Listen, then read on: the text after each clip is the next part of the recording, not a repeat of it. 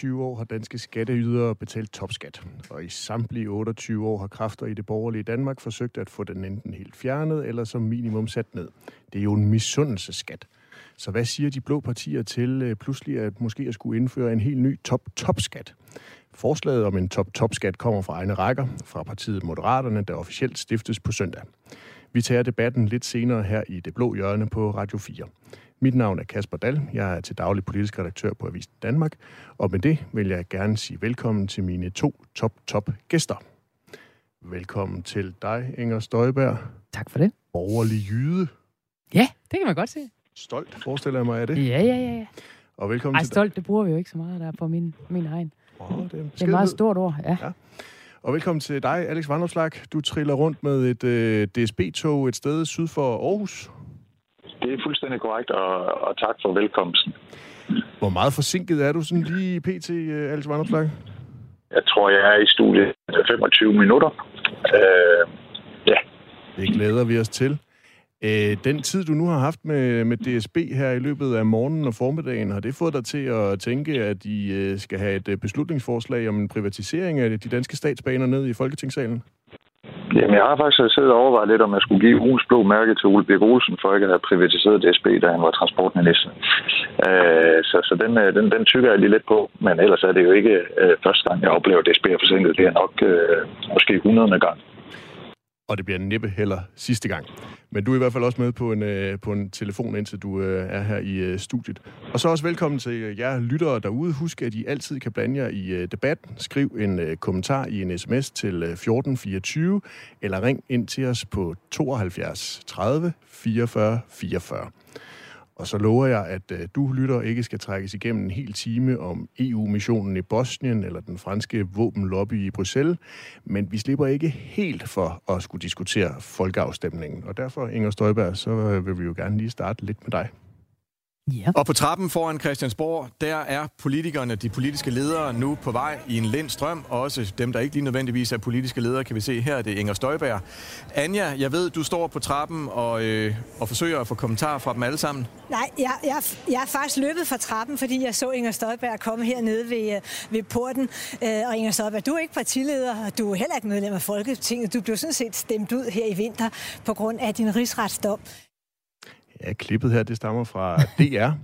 Inger Støjberg, hvad lavede du egentlig på Christiansborg i, øh, i onsdags? Jamen, jeg var jo inde og besøge forskellige medier. Der var forskellige medier, der havde spurgt, om ikke jeg kom ind og, og gav mit besøg med omkring øh, valget. Nu synes jeg måske nok, det kommer mere til at handle om alt muligt andet end, øh, end øh, afstemningen. Men øh, jeg var da også på Radio 4.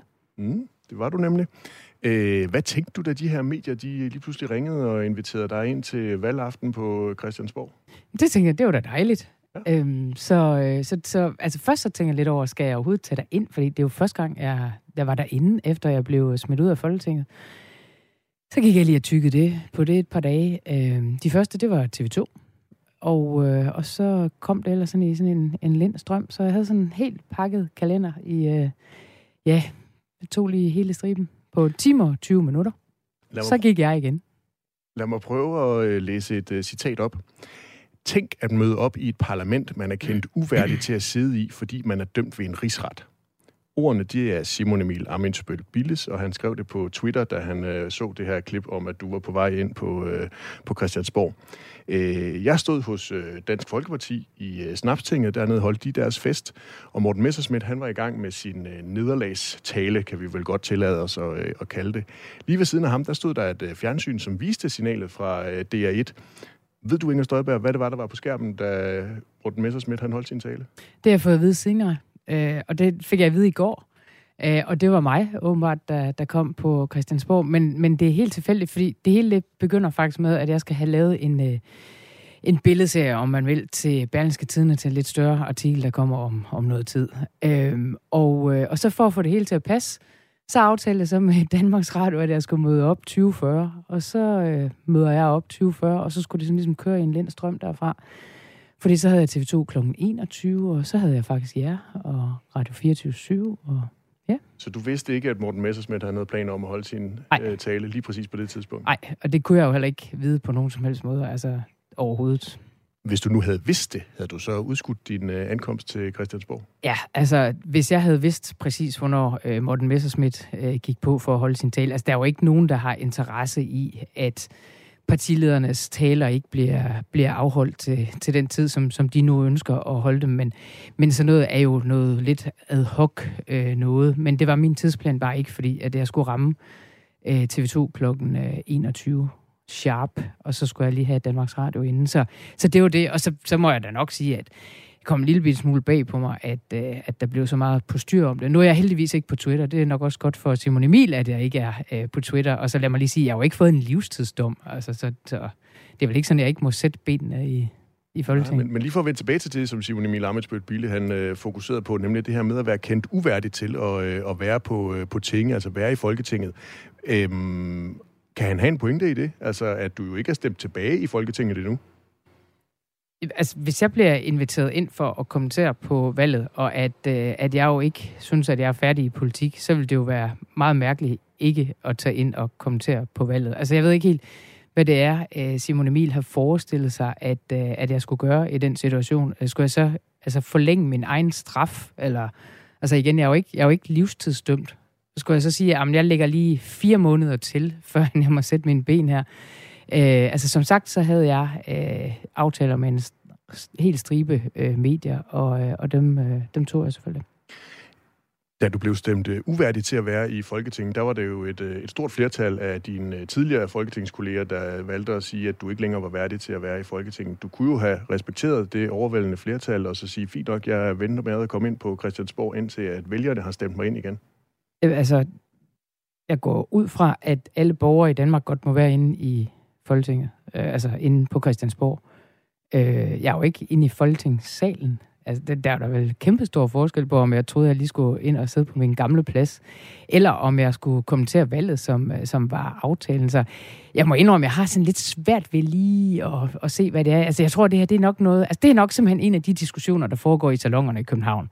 Jeg har simpelthen ikke hørt, øh, da jeg kom tilbage til Hadsund i aftes, det er jo ikke sådan, at folk det bare stod og sagde, hvad i alverden lavede du inde i, øh, på Christiansborg? Hvad, hvad lavede du på den store trap? Altså, tværtimod da. De var måske ligefrem glade for at se dig igen på den store øh, scene. Det tror jeg, nu er de der kommet hjem fra Visborg og fra festen der og sådan noget. Så, og der, der sagde jeg jo, nu kommer jeg tilbage til politik. Det må man så sige, jeg gjorde.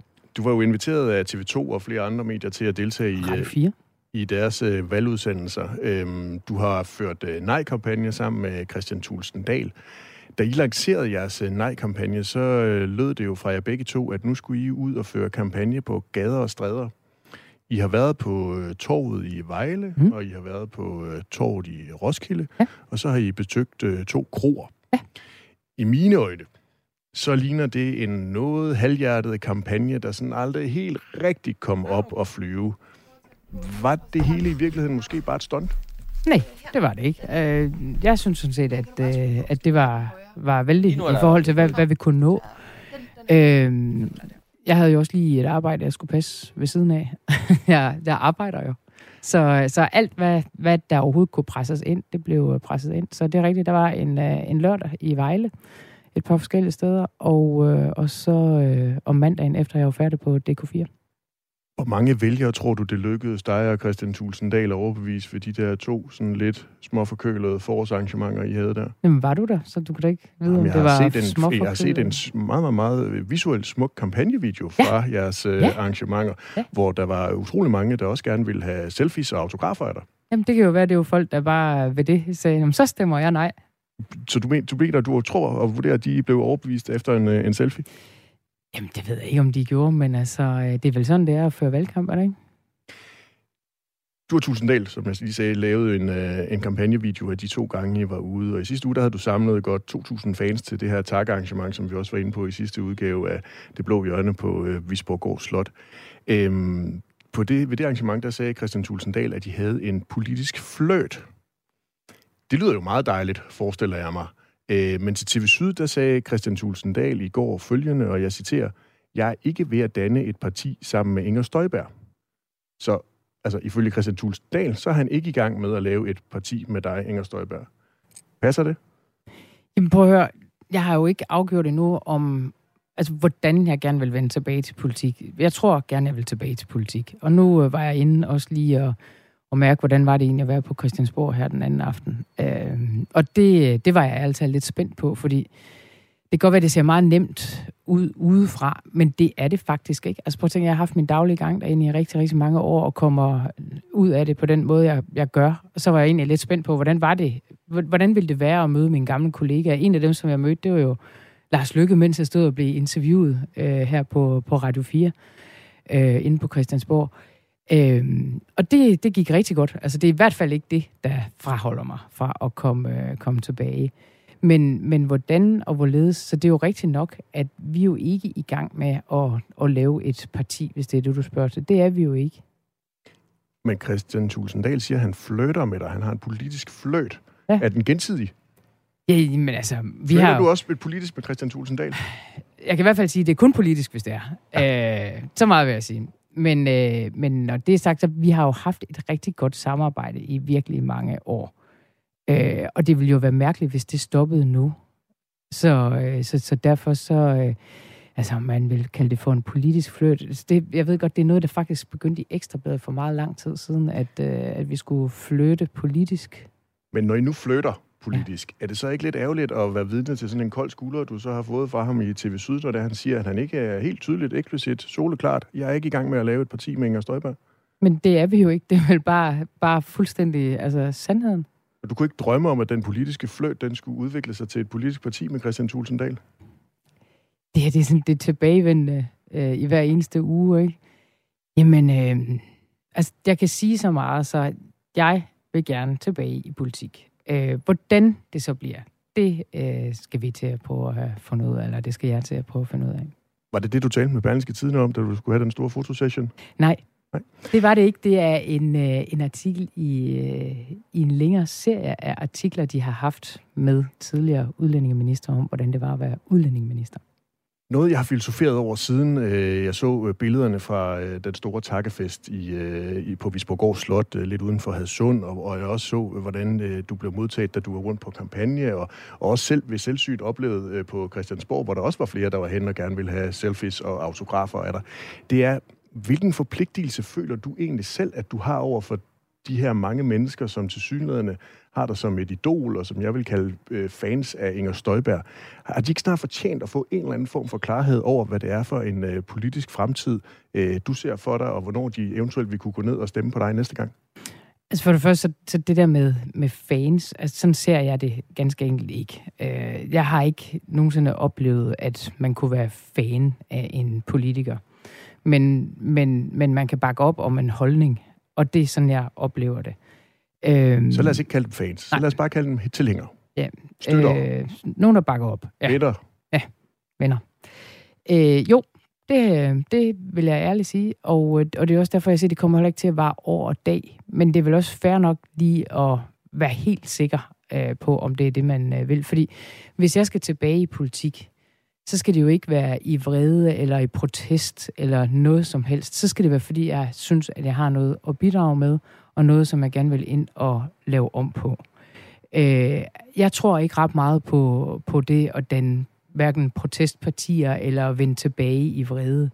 Jeg tror rigtig meget på, at man kun kan forandre ting, hvis man virkelig vil det, og at man også har et politisk projekt. Alex Vanderslag, du skulle gerne stadigvæk være med på Jeg en... håber snart, at han kommer, fordi det her er jo sådan et krydsforhør i, ja, i fester og gæster.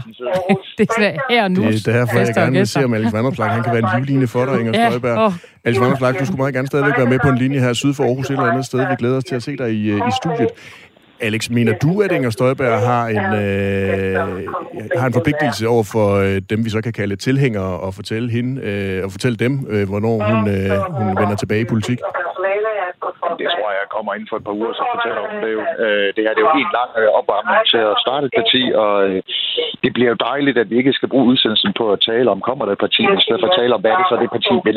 Så jeg tror, det giver sig selv inden, inden særlig længe, måske allerede inden næste udsendelse næste fredag. Men fylder det her med Inger Støjberg, fylder det alt for meget på Christiansborg i din optik? Øh, det fylder i hvert fald meget i medierne. Nej, men jeg synes ikke, det fylder for meget, fordi det er jo interessant øh, og, og vigtigt for Blå Blok. Noget, jeg fylder, øh, synes fylder for meget, det er jo alle mulige processer. Altså hele valgaften gik jo med, Nå, hvad har Christian Tusinddal skrevet i en sms, og hvad er det for et familiearrangement, han er til, og hvorfor kommer Inger samtidig? Øh, da, da jeg sad og fulgte med på tv, så havde jeg sådan lidt en fornemmelse af, at jeg så et reality show. Altså, det, det, det, det, der er meget, meget procesfokus, øh, og det, det kan jeg jo godt øh, ærge mig lidt over. Men, men øh, det, at det ene er på vej med et parti, er jo en interessant nyhed for, for, for dansk politik, så det kan jeg godt forstå, man går op i. Og med de ord, så skal vi videre i dagens udgave af Det Blå Hjørne.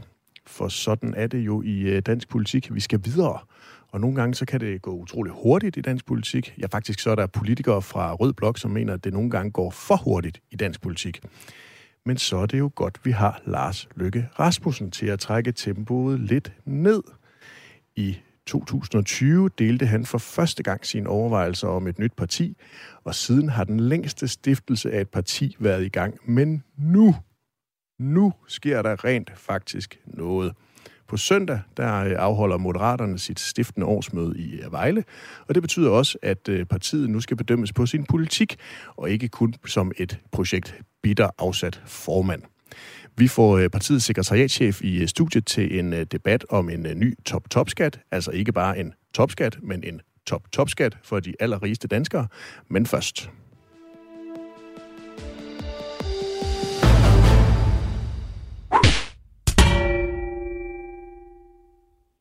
Alex Varnopslag, det er blevet tid til øh, et øh, blåt mærke, og som en af øh, folkeafstemningens sejr her, synes jeg næsten, at du skal have lov til at lægge for. Hvem har gjort sig fortjent til hederen? Jamen, øh, jeg blev, vi blev bedt om at læse Moderaternes økonomiske plan. Og da, efter jeg læste den, så tænkte jeg, at det kan jo kun være Lars Lykke, der skal have ugens blå mærke. Fordi det er jo simpelthen en, en ufinansieret plan, de har lagt frem. Øh, pengene øh, passer ikke.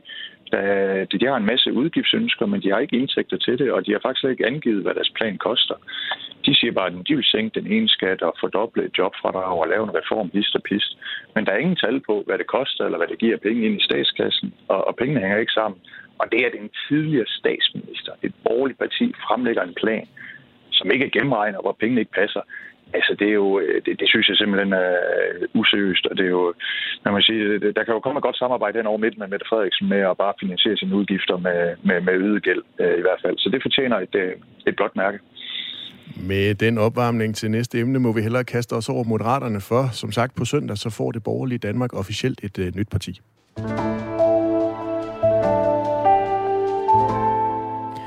Du lytter til Det Blå Hjørne på Radio 4. Med mig her i studiet i Aarhus, der har jeg Inger Støjberg, og forhåbentlig har jeg også meget snart Alex Vandomslag, så vi ikke længere skal have ham på en uh, telefonforbindelse. Men jeg hører også meget gerne fra uh, dig derude, der lytter med. Skriv en uh, kommentar i en sms til 1424, eller ring ind til os på 72 30 44 44. For eksempel kunne du komme med dit besøg om, om de rigeste danskere de skal beskattes endnu hårdere. Hvad er din holdning?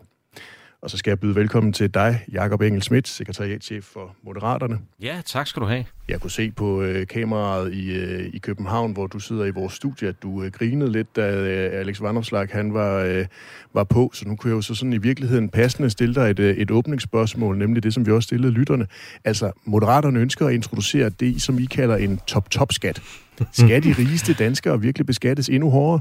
Men det her det er jo bare udtryk for, at jeres journalist til synligheden ikke har briefet dig særlig godt. Fordi det, der står i vores økonomiske plan, det er, at alle, der tjener øh, en indkomst op til en million, skal beskattes lavere.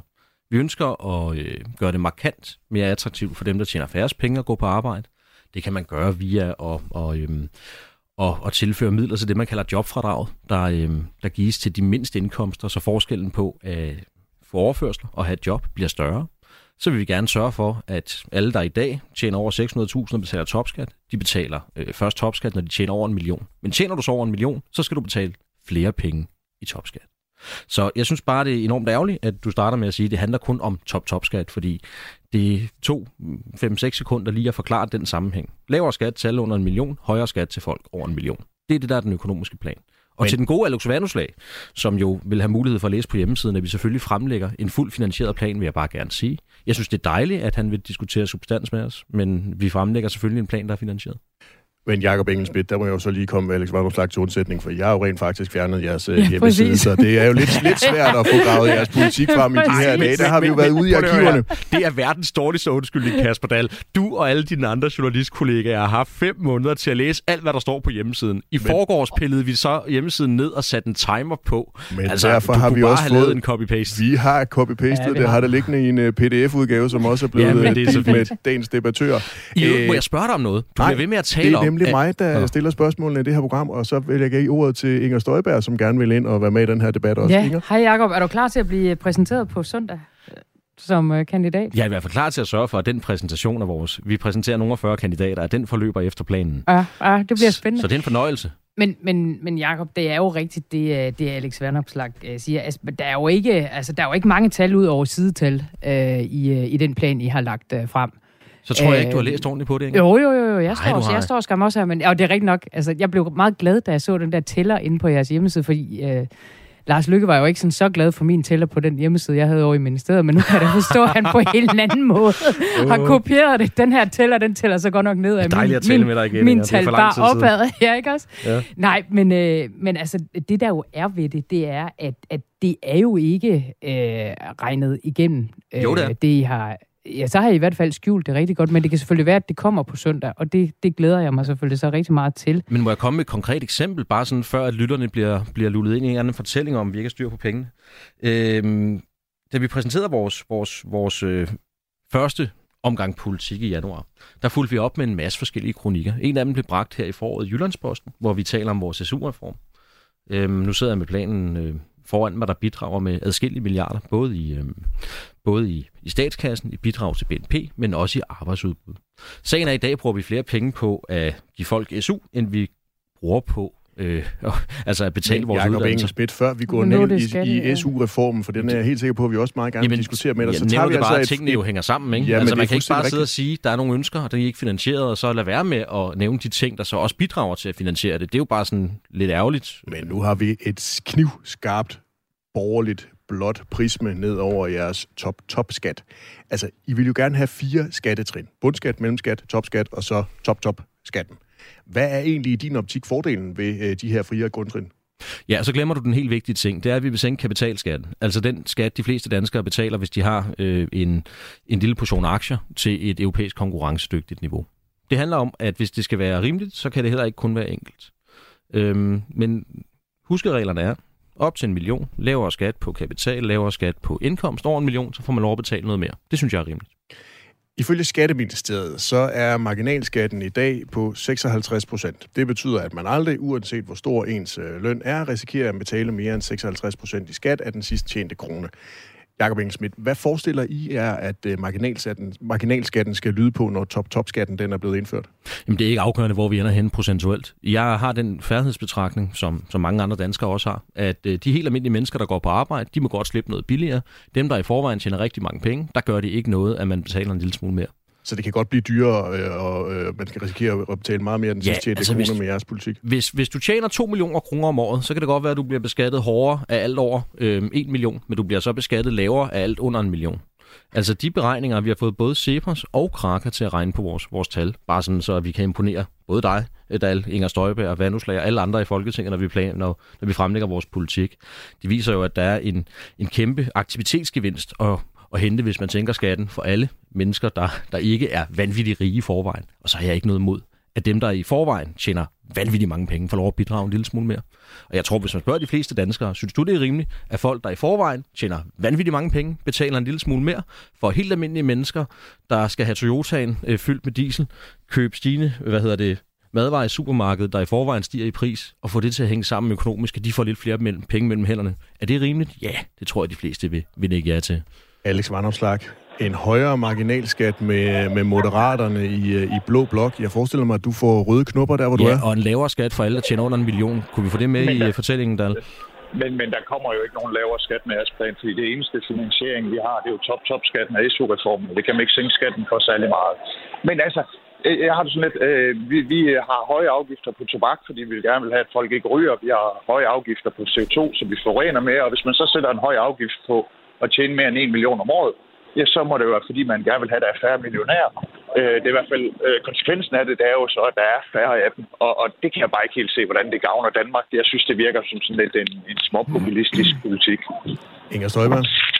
Jamen, jeg synes også, når man hører dig, øh, Jakob, du lyder lidt ligesom din, din chef der i afslutningsdebatten der tilbage i 2009, da han sagde det der, at dem der, dem, der tjener mere og afleverer meget, og nu afleverer lidt mindre, ja, de afleverer så lidt mindre, end dem, der tjener lidt mindre og afleverer mindre, men altså, så afleverer mindre og mindre. Altså, man får lidt indtrykket af, når man læser det her, at det er alternativet bare i jakkesæt, øh, og at øh, I så har været inde på et eller andet krea-salon i mhm, København, mm-hmm. og så er I så kommet ud med det her. Fordi jeg må sige, det, det virker ærligt talt lidt, lidt krea, øh, ja. det her, og, og, og lidt, altså Lars Lykke i jakkesæt kontra Uffe Elbæk i, i sweatshirt. Alternativet i jakkesæt, øh, Jakob Engelsmidt, altså, og Bartolslag det... mener, det er halvpopulistisk. Ja. Altså, jeg synes jo, det lyder som sådan en, øh, en, en, en konspiration ud i forvanskning. Jeg har siddet og sagt til jer tre gange, nu siger det for fjerde gang, at vi vil sænke marginalskatten for alle, der tjener under en million, og vi vil sænke kapitalskatterne. Og så sidder jeg og snakker om, at det er kræger for folk i Alternativet. Kom on, venner. Har vi det lundt i bagdelen over i Aarhus? Jeg tænker mere på, hvordan det er i, øh, hvordan øh, fællesskabet er i, i blå blok med, med moderaterne og den øh, gode tone, vi også har her i det blå i øjne Vardopslag. Hvordan tænker du, det bliver, når, øh, når Lars Lykke han nu brager ind efter et folketingsvalg, og I skal tumle rundt med, med moderaternes skattepolitik? Jamen altså, det må jo være op til forhandling, men jeg har svært ved at forestille mig, at det bliver maler i støtte, at man skal til at indføre flere skatter og nye skatter og høje skatter. Så øh, lad, os nu, øh, lad os nu lande et kompromis. Alle de skattelettelser, som moderaterne går ind for, Øh, Øh, dem kan de få igennem. Øh, til gengæld er det eneste krav for mig, det er, at vi så også finder nogle penge til at finansiere det. Øh, og så, så har vi jo alle sammen fået noget igen. Ja, men det lyder godt, Alex. Øhm, jeg er sikker på, at du og jeg, og i øvrigt også Inger, når, når hun kommer tilbage i politik, og det håber jeg meget, du gør, Inger, øhm, så øh, er jeg sikker på, at vi i fællesskab kan lave rigtig mange øh, spændende aftaler. Og jeg glæder mig også til at vise jer vores plan for finansieringen. Men Jakob Engelsmidt, som du kan høre, så vækker det jo ikke ligefrem glæde og begejstring hos jeres øh, borgerlige Nej. kolleger i Liberal Alliance. Men vil du høre en hemmelighed? Kom altså, po- politik og et nultumspil, der bliver jo ikke flere mandater, fordi Alex synes, at vores økonomiske plan er spændende. Så øh, jeg kan da godt forstå, at der ikke er nogen, der byder os velkomne. Det vil jeg heller ikke gøre, hvis det var mig, der sad og måske var troet af, af et nyt alternativ.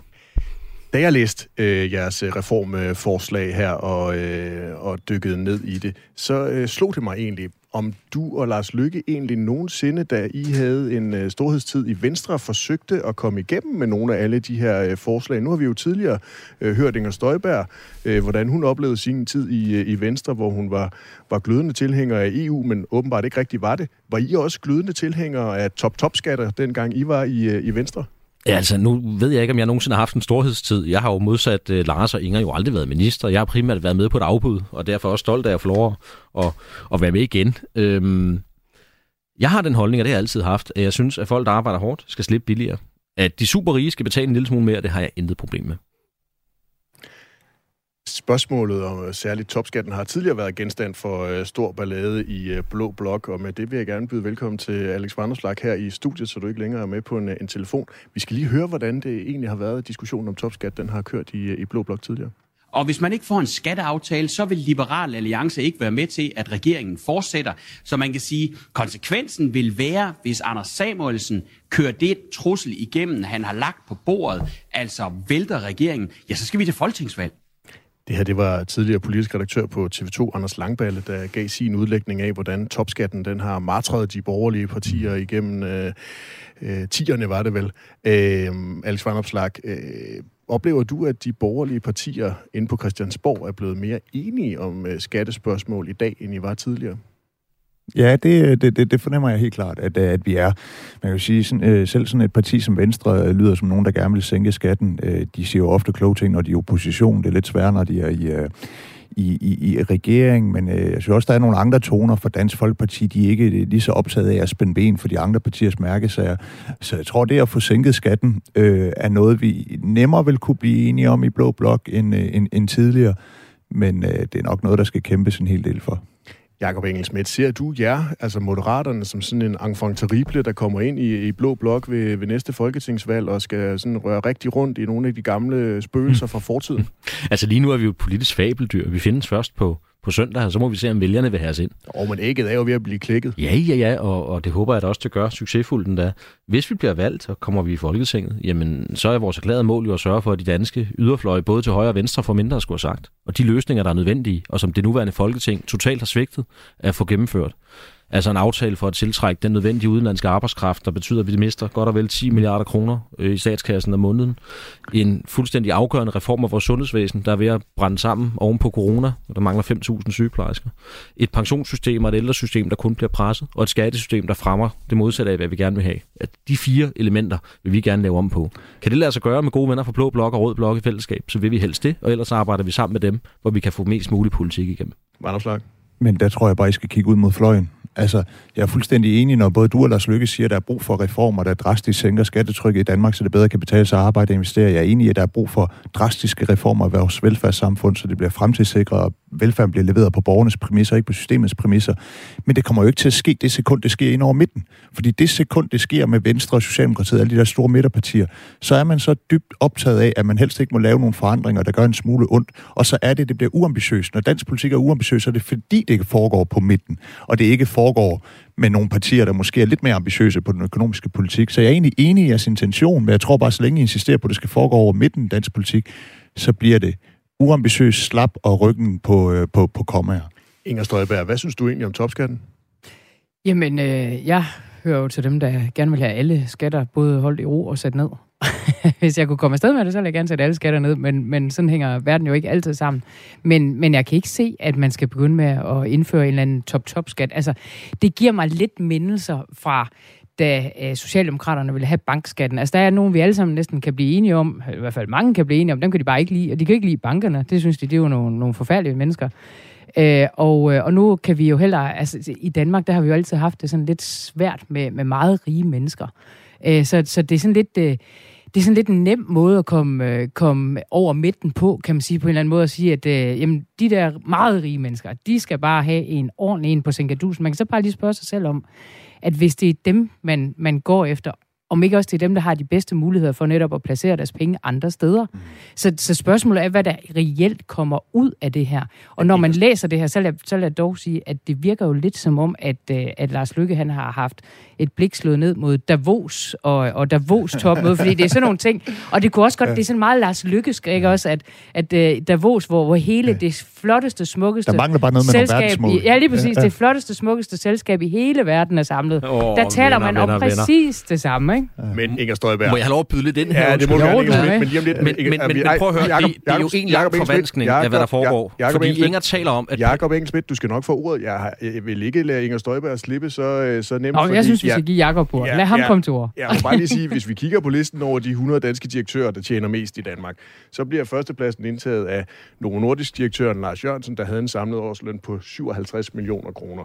Skal han ikke betale en lille bit smule mere i skat? Han betaler jo altså sådan set en, en hel del skat. Ja. Det er jo ikke sådan, at manden han slipper øh, uden at betale skat. Præcis. Mit spørgsmål er bare lidt, om ikke at han lige nøjagtigt er i en situation, hvor han godt kan finde ud af også at få placeret sine penge et andet sted, så at det her måske mere er noget, der er pænt på papiret, der rykker ind over midten og kan lokke Socialdemokraterne med, Øh, altså lige den der bankskat, som, men, men som jo så... Tror, alle dem, du møder på gågaden i Hadsund, når du går rundt øh, der og er nede og handle ind, tror du virkelig ikke, at de har et ønske om, at øh, Lars Jørgensen han måske betaler en lille bit smule mere i skat og bidrager lidt mere til samfundet? Eksempelvis via en top-top-skat. Jeg kan i hvert fald sige, at der er nok ikke nogen i Hadsund, der er udsat for at skal betale top-top-skat. Men, men, men det er jo ikke det, der er spørgsmålet. Spørgsmålet er, om det her det er reelt, eller om det er noget, der er blevet skabt for netop at prøve at tilfredsstille nogle vælgere også ind over midten. Og det, og det er bare det, der lidt af mit spørgsmål med ja, det her. Men det og det kan Jacob jo så få lov til at svare på, måske, hvis vi er heldige. Og Jacob Engelsmidt, det må du nemlig meget ja. gerne uh, svare på. Nu er det her et, uh, et uh, projektkoncept, der er skabt for at række hen over midten, som jo er det, Moderaterne meget gerne vil. Ja, altså Moderaterne er udelukkende baseret på designerpolitik, baseret på dybe fokusgrupper. Øh, nej, det her, det er dybt Ja, i Davos, ikke? Og med alberne i baggrund. Selvfølgelig er det det. Det, det er det, vi bruger vores efterår på i dansk politik, øhm, og ikke andet. Nej, det, det er reelt. Og når Inger siger, at folk bare kan flytte deres penge, så er det forkert. For det, vi skriver i vores plan er, at alle, der tjener under en million kroner i indkomst, altså på deres lønseddel, betaler mindre i skat. Samtidig vil vi gerne sænke skatterne på kapital, altså hvis du har, hvis du har aktier eller obligationer, eller har investeret i en, en ny startup virksomhed. De der direktører, der har en lønindkomst på 57 millioner, de kan kun flytte deres penge, hvis deres lønindkomst flytter til et andet land. Så nej, det er rigtigt at beskatte de super rige på lønindkomst. Vi vil gerne sænke skatterne for alle, der har en aktiesparekonto, og alle, der via Nordnet eller deres bank investerer i aktier. Det synes vi er sundt. Det skaber dynamik i samfundet. Men at de super rige får lov at betale en lille smule mere, det står vi 100% på mål for. Og det tror jeg i øvrigt også, de fleste mennesker på gågaden i Hadsund synes er en rigtig god idé. Ja, ja. Alex Varmslag, du ryster på hovedet en kort bemærkning. Nå, nej, men det er da rigtigt nok, at den eneste måde, de kan flytte deres uh, indkomst, altså lønindkomst, det er jo ved at så sige ja til det topjob i udlandet, fordi det er jo måske det, de så kommer til. Og det vil så også gøre, at det bliver sværere for de store danske internationale virksomheder at tiltrække de der topdirektører, som nogle gange også kommer fra andre lande. Og det vil jo bare være konsekvensen af det, og det, det ved I jo også godt i, i, i Moderaterne. Og, og det er jo den effekt, en høj skat og en høj afgift har, det er, at det skræmmer noget væk. Det er jo derfor, vi bruger det mod rygning og uh, mm. forurening og alt muligt andet. Så hvis man bruger det mod millionær, jamen så er man så også med til, at, øh, at der er måske færre millionærer, der det ønsker Det var rigtigt, hvis jeg ønskede at hæve kapitalskatterne, Alex, men det gør jeg jo ikke. Men du, du ønsker at hæve lige at forholde dig til det, fordi det er en af de ja. ting, hvor jeg ved, at du og jeg er 100% Ja, der er vi meget enige. Ja. ja, og har millionærer størst kapitalindkomst, eller har de størst indkomst ja, men, på, prøv, på, det, på indtægt? Altså bare, det, bare, bare et faktaspørgsmål, nej, men, men du kender det, selv svaret. Dit, dit argument er jo, at Novo Nordisk direktør jo ikke kan, kan, kan rykke sine penge ud af landet, når, når, når beskatning af hans lønindkomst bliver højere. Nej, men så kan han så tage ja til et topjob i et andet land, og den øh, direktør, altså for eksempel direktøren i Carlsberg, han vil måske ikke tage til Danmark.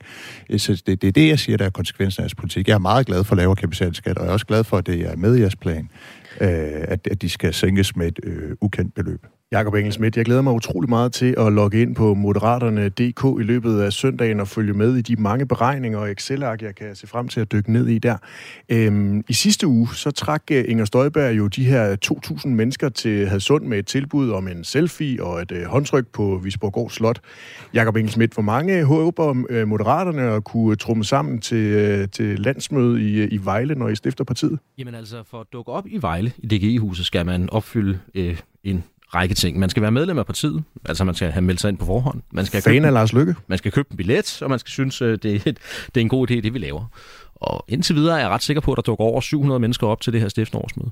Og det er jo på niveau med de konservative. Det er vel dobbelt så stort som Liberal Alliances, øh, hvad hedder det, seneste årsmøde. Og, og mere end dobbelt så stort. Mere end dobbelt så stort, ja. ja. Det kan jo være, at det er en indgangsaffære, og det hele bliver sådan en gammel, ja, gammel sandwich det, det, det, det, er meget det, det, det, det, det er virkelig godt stået. Det er meget, det, meget flot. Det må man sige. Tak. Jeg glæder mig til at følge med. Jamen altså, Inger, du er velkommen til at kigge forbi og sige hej. Øh, det er jeg, jeg, jeg ikke sikker ved, på, faktisk. Åh, men jo, jo. du sagde, at man skulle have løst billet og, og være medlem af partiet. Ja, men, men du og jeg, vi ses jo også privat en gang imellem. Så. Jeg skal ja, det, lige det, det, det, her, jeg skal lige gennem herinde, det bliver øh, alt for rosende, fordi således lykkes det øh, trods alt at slutte med, med ros. Tusind tak for at være med, Jakob Engel Schmidt, sekretariatschef i Moderaterne og måske kommende folketingskandidat for partiet. Det var i hvert fald første gang i lang tid, jeg var i en politisk debat, og så mod to sværvægtere som, som Støjberg og Vanuslag. Det kan man jo godt blive nervøs for. Men det var da hyggeligt. I den seneste måling fra Voxmeter, der står Moderaterne til at få 1,4 procent af stemmerne, mens Opinion, Epinion, et andet institut, giver en lidt større tilslutning, nemlig 1,9 procent af stemmerne. Og lige præcis udfordringen med de mange små partier, særligt i den borgerlige blok, vender vi tilbage til lige om lidt. Fordi i sidste uge, der åbnede Venstres øh, Janne Jørgensen her i Det Blå Hjørte, nemlig for at sætte spærregrænsen i Danmark op.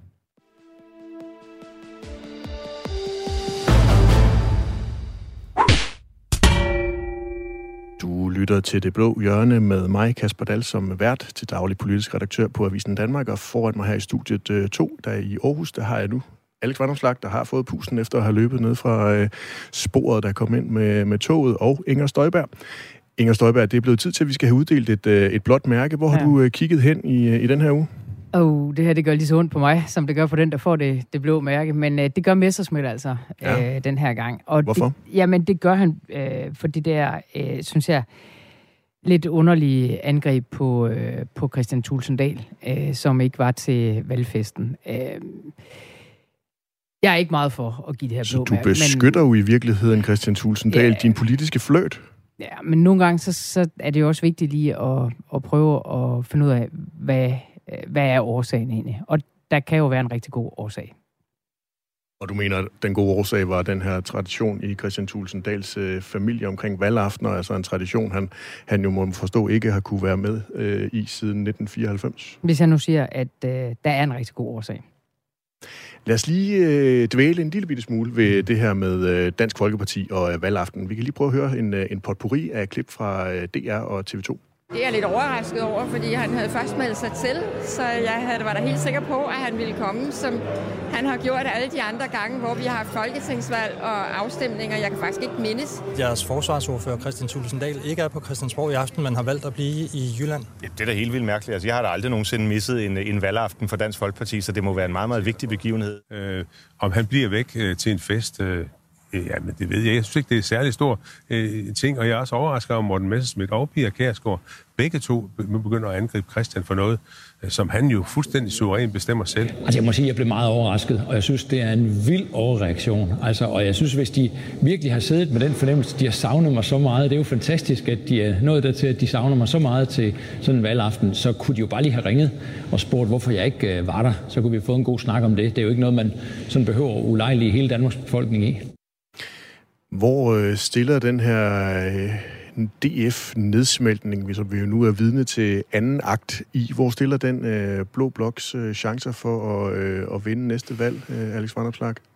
Altså, man sige, hvis vi skal vinde næste valg, så der, skal der jo være nogen, der trækker nogle stemmer hen over midten. Og, og det er jo enten nogle radikale stemmer, hvis man ønsker dem, eller nogle, nogle socialdemokratiske stemmer. Og, og tidligere var det jo DF, der kunne trække dem.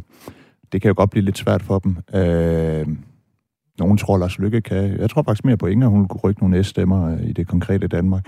Øh, men det er klart, at øh, når et af de partier, der historisk har rykket stemmer hen over midten, står lidt svagere, jamen så, så rammer det jo også blokken som helhed. Og man kunne også frygte, at der kommer sådan en panik før lukketid, og så kommer man med alle mulige vilde udmeldinger og bruger valgkampen på at kritisere Blå Blok, i stedet for at fokusere på den fælles fjende. Så øh, jeg synes ikke, det er en god nyhed for Blå Blok, at Dansk Folkeparti har det svært. Inger Støjberg, efter den her øh, valgkamp, som Dansk Folkeparti først var i, i forhold til at få en ny formand efter Christian Tulsendal, og nu en, en, øh, en valgkamp om forsvarsforbeholdet, hvor Morten Messerschmidt jo i den grad har været ansigtet på øh, nej-kampagnen, så er Dansk Folkeparti nede på omkring 4% i rigtig mange meningsmålinger øh, efterhånden. Hvor synes du, at øh, det her det stiller Blå Bloks muligheder for at vinde øh, næste valg, når Dansk Folkeparti til synligheden ikke kan trække mere derude blandt vælgerne?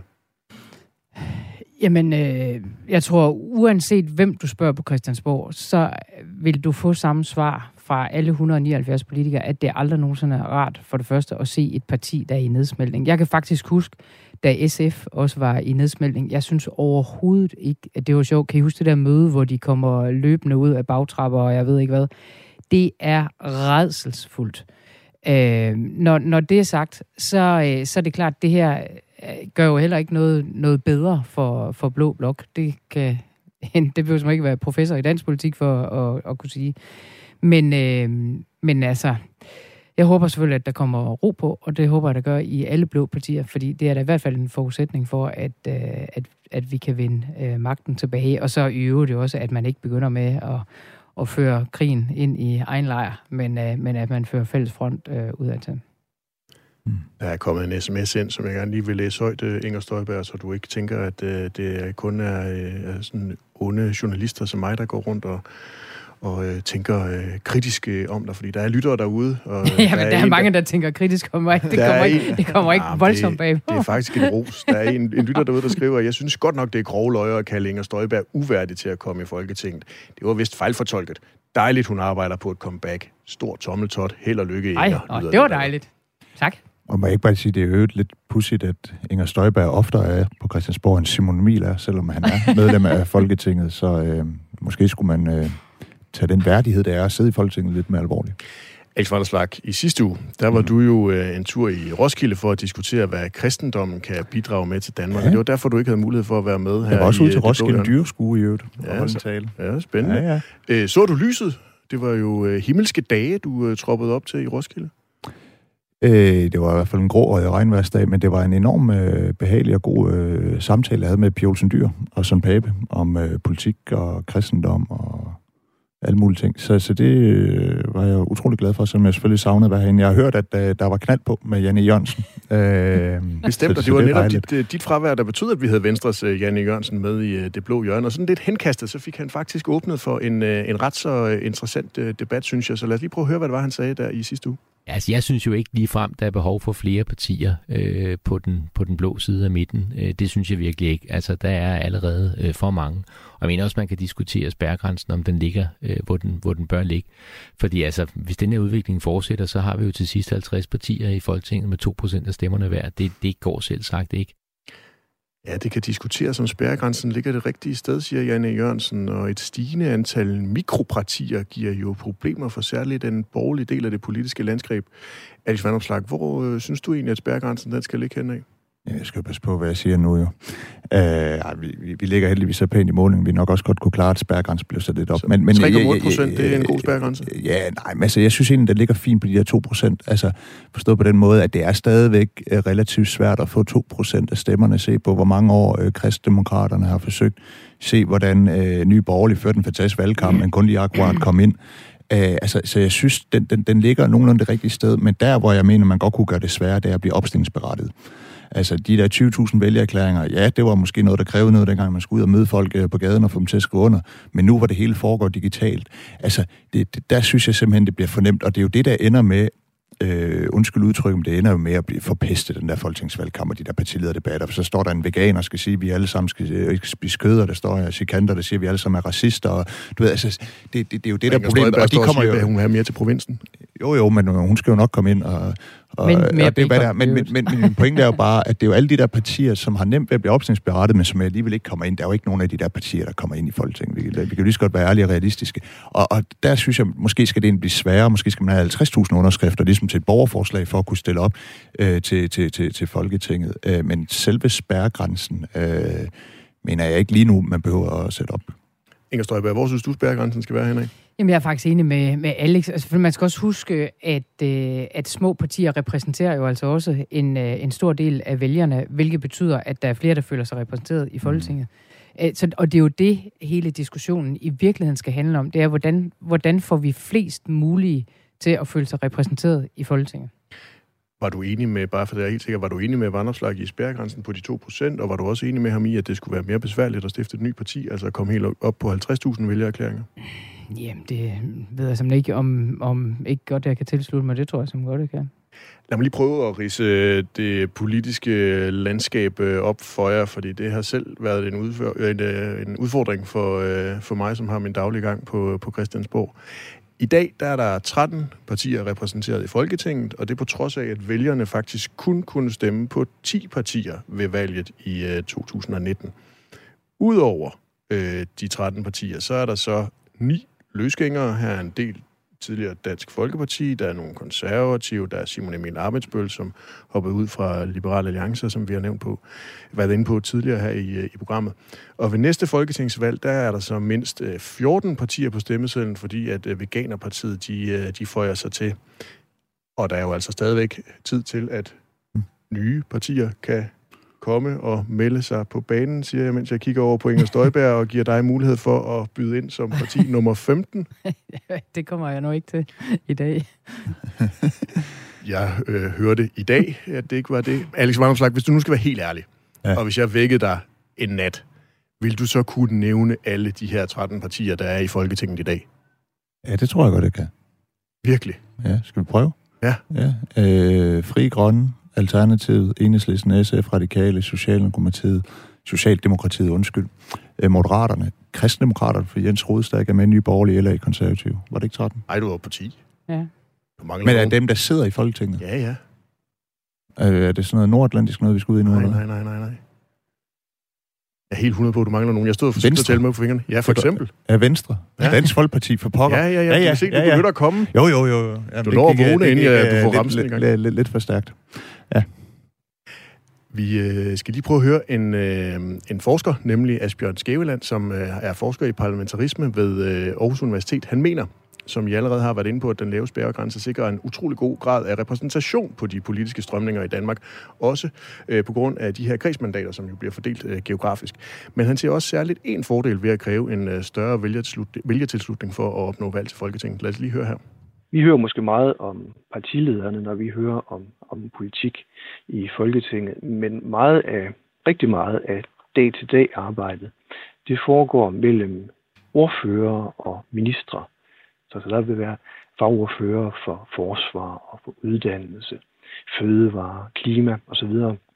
Og de varetager meget af, af dag-til-dag arbejdet ordførende øh, på vegne af deres partier og i forhandlinger med, med ministeren. Og hvis partiet er meget lille, så er det jo svært at lave en god arbejdsdeling. Er partiet lidt større, så har man en bedre mulighed for at lave en arbejdsdeling, hvor folketingsmedlemmerne kan specialisere sig og blive særligt indsigtsfulde på deres områder. Så lidt større partier har simpelthen bedre muligheder for at arbejde kvalificeret med øh, blandt andet lovgivning. Større partier er simpelthen bedre gearet til den måde, det politiske arbejde foregår i, øh, i Folketinget i, i dag, og derfor kan det være en fordel at undgå for mange små partier. Er du enig i det, Alex Magnus Ja, grundlæggende ja. Altså, du ved, hvor jeg, jeg, selv, det må være at være ja, ja, altså, det er jo, jeg, jeg, vi har jo ikke tid til at passe alle vores ordførerskaber.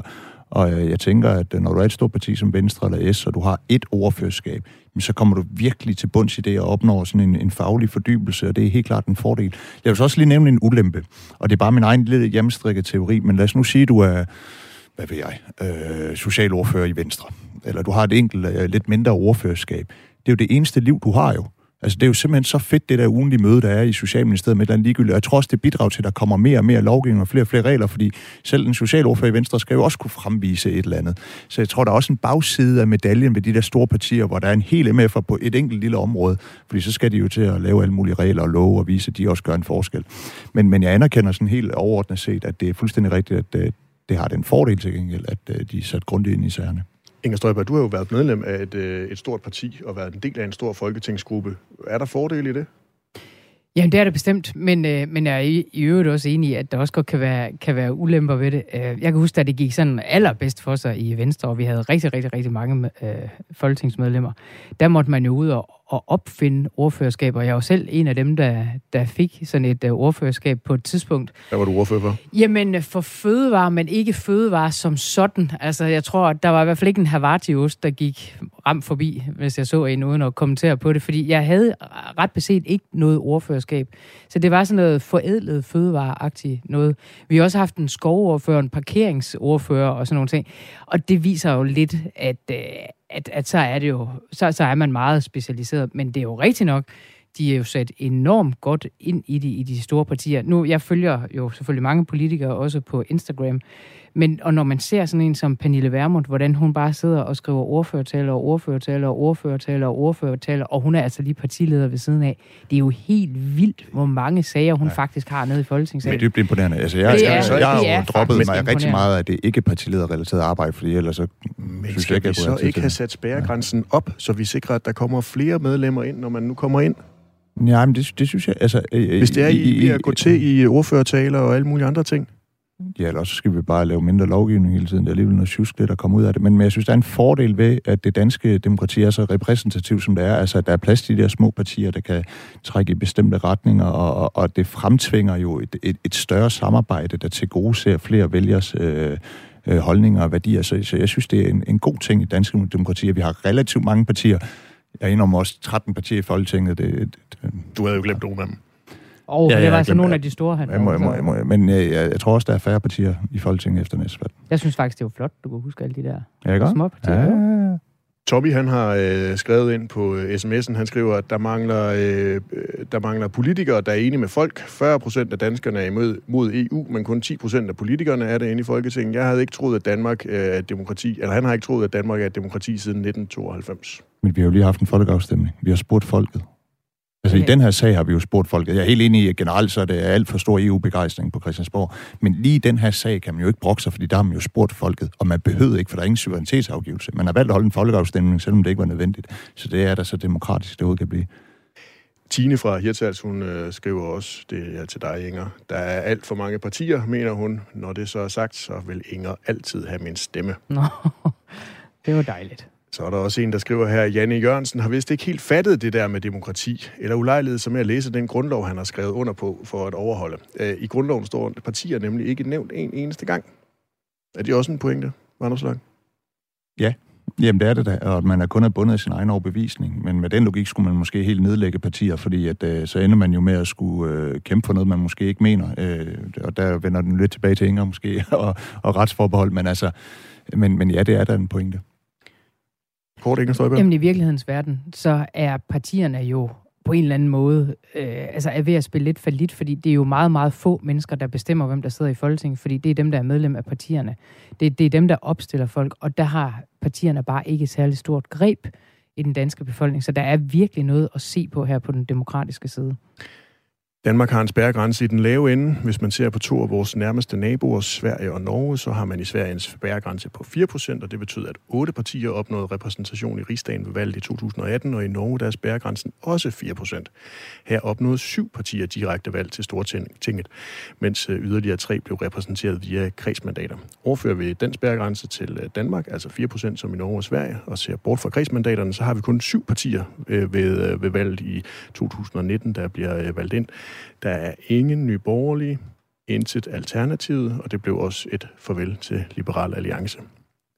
Med det, så vil jeg gerne sige tusind tak til Inger Støjberg for at dukke op her i Aarhus, og til Alex Vandopslag for at have fået pulsen ned herinde i studiet mm. efter et raseriudbrud over de danske statsbaner. Tusind tak for at komme. Mit navn er Kasper Dahl. Vi lyttes ved om en uge. Du har lyttet til Det Blå Hjørne på Radio 4.